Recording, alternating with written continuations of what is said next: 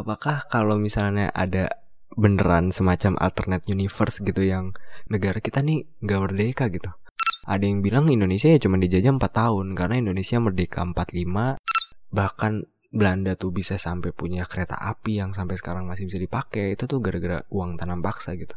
Ada nih uh, apa urban plannernya Belanda gitu si Thomas Karsten. Nah dia tuh Yup, ini adalah podcast pecah episode 26 Kui opening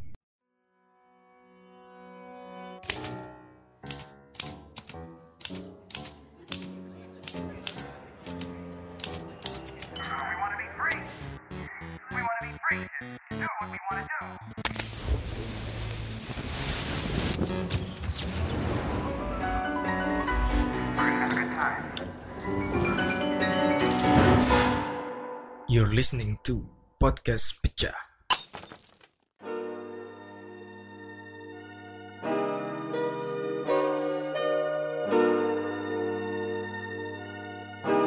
Yuhu, baik lagi di podcast pecah podcastnya Manca Kali ini kalian mendengarkan episode 26 Gokil. Anyway, gue mau berterima kasih kepada kalian semua yang sudah memention gue di sosial media Yang apa ya, yang udah hit me up lah Cik gitu, hit me up. Ada beberapa orang yang mention gue instastory gitu Kayak dia lagi dengerin podcast gue dan it means a lot for me. Itu kalau misalnya podcast ini adalah tumbuhan nah itu tuh oksigennya cuy. Gitu. Ya jadi buat teman-teman semua nggak usah malu cik gitu. Mana ada yang malu? Semua tuh mager gue yakin. Apa sih gue cik gitu cik gitu mulu? Ya udahlah ya Uh, enggak yang jelas kalau mau kayak gitu ya silakan aja gitu. Gue sangat mengapresiasi. Dan mungkin gue juga mau mengingatkan kalau teman-teman semua bisa mendengarkan podcast ini di berbagai platform di Spotify di SoundCloud di Apple Podcast di Google Podcast ya pokoknya di mana-mana lah. Dan yang dengerin di Apple Podcast tolong dong di rating dong tolong dong. Please lah di rating dong. Ya buat kalian juga yang mau email sangat terbuka karena udah nggak ada yang email lagi nih. Anjing jujur banget. Ya udah amat lah emang gak ada yang email mau gimana dong? Tapi kalau ada yang email gokil men. Gue bahas deh kalau pertanyaan gue bahas gitu. Kalau misalnya nggak uh, perlu gue bahas ya gue bales gitu. Nggak ada kok email yang nggak gue bales. Cie gitu. Uh, ya kayak gitu aja. Uh, lah kok gitu doang maksudnya? Maksud gue itu bukannya sih. Uh, kalau nggak tahu Instagram gue apa sih? Masih ya berusaha. Oke okay, uh, episode kali ini. Episode kali ini gue mau membahas tentang sejarah gitu ya. Nggak ada kaitannya sama tema besar dari podcast ini tapi mumpung mau 17 Agustus gitu ya kan mending ngebahas sejarah aja gitu. Sebenarnya ini beberapa pertanyaan-pertanyaan yang selama ini gue rasakan sih gitu kayak terkait dengan kemerdekaan sih gitu. Jadi pertanyaan terbesar gue adalah apakah kita nih harus merdeka gitu? Menurut lo negara ini harusnya merdeka apa enggak gitu? Apakah kalau misalnya ada beneran semacam alternate universe gitu yang negara kita nih nggak merdeka gitu? Gue pengen tahu gitu gimana keadaan so called Indonesia lah apa pun namanya nanti gue juga nggak tahu.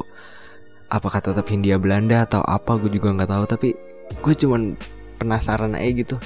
Nggak tahu juga sih apakah menjadi lebih baik. Nggak tahu gitu karena variabelnya kan banyak banget gitu kan kayak ya baik banget itu segala aspek kehidupan kita kita dijajah negara ini. Kalau kata Soekarno 350 tahun yang walaupun tuh nggak benar gitu. Yang sekarang gini kenapa itu nggak benar?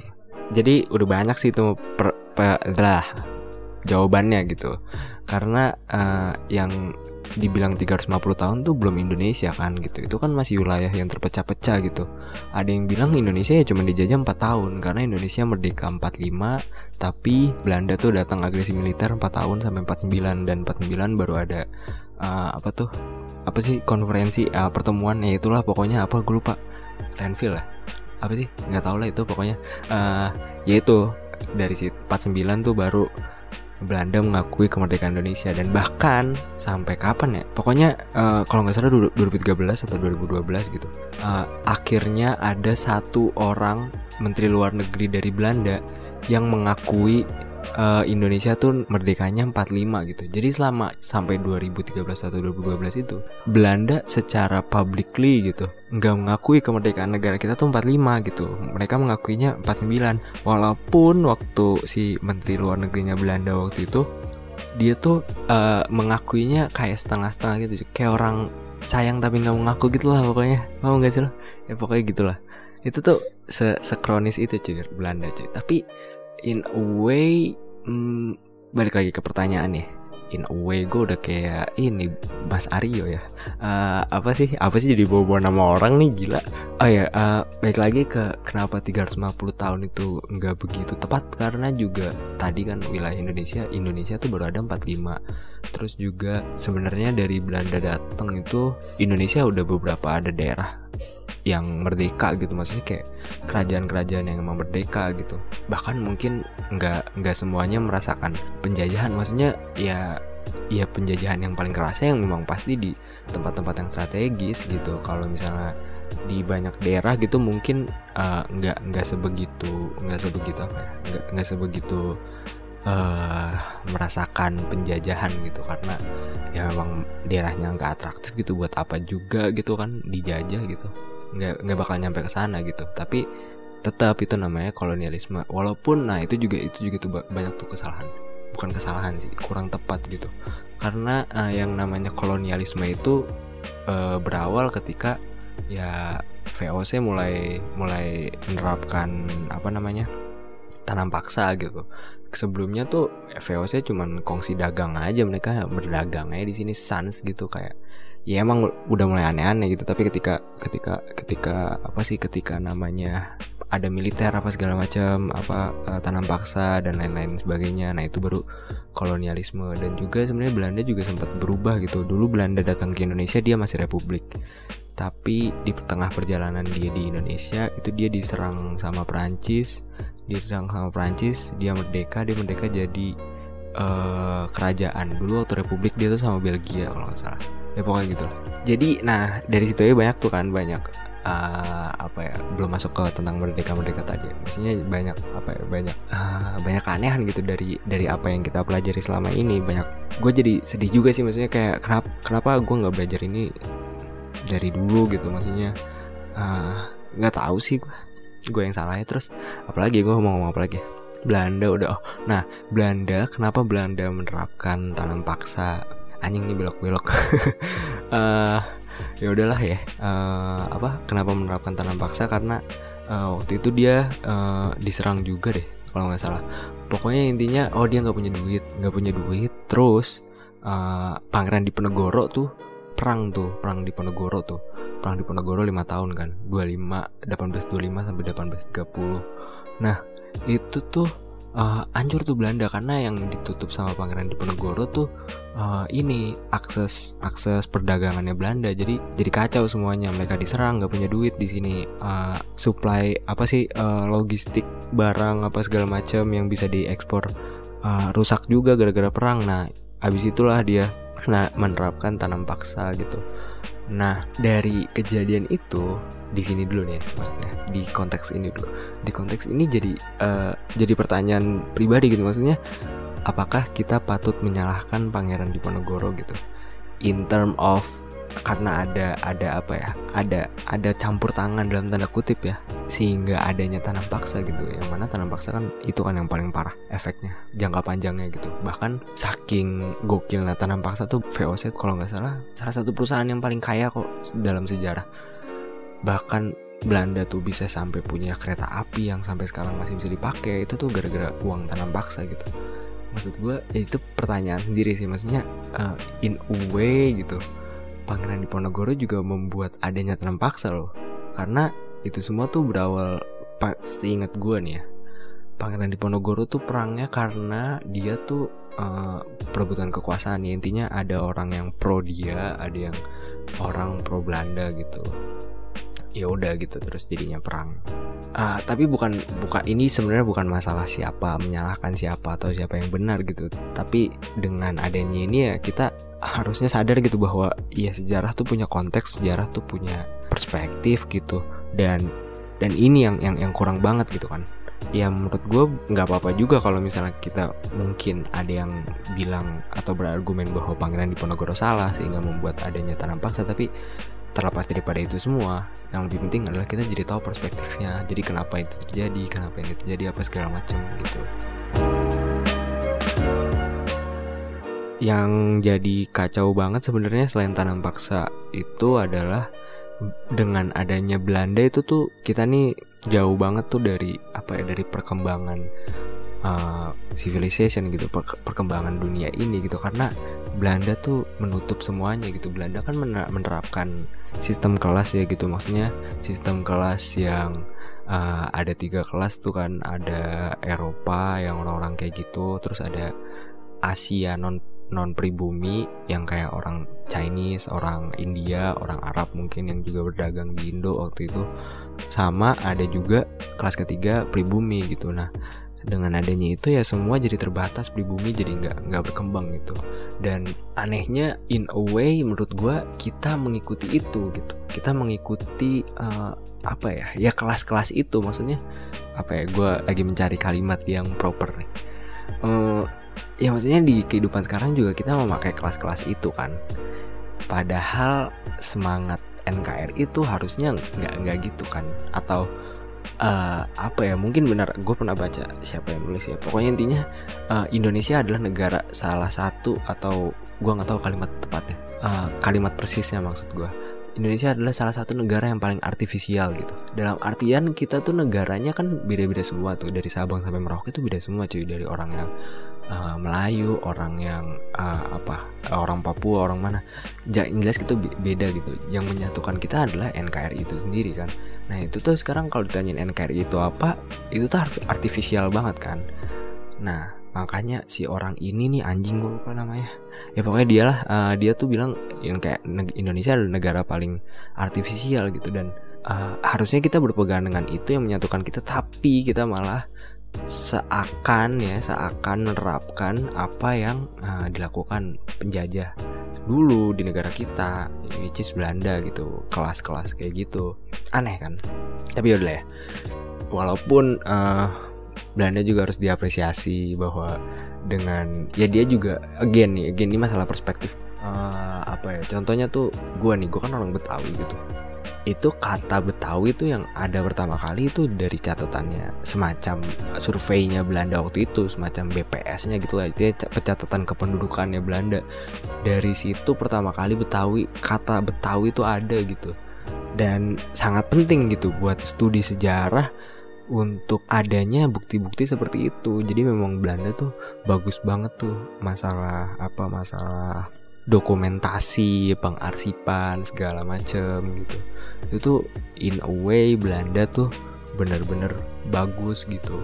Nah justru dengan adanya Jepang Jepang tuh banyak menghancurkan itu semua gitu dokumentasi-dokumentasi itu ketika Jepang mulai menduduki Indonesia kayak gitu. Dan juga kalau misalnya ngomongin uh, urban planningnya nih misalnya ada nih uh, apa urban plannernya Belanda gitu si Thomas Karsten nah dia tuh Thomas Karsten. Kalau namanya ribet Thomas Karsten. Uh, itu tuh dia uh, apa ya dia tuh banyak membantu pembangunan kota-kota Indonesia gitu. Dari uh, Semarang ada hasil karyanya dia. Di Magelang ada di Jogja ada di Surabaya ada nggak ya? Lupa gue Makassar tuh ada Jakarta ada Bandung ada. Ya pokoknya dia sekeren itu.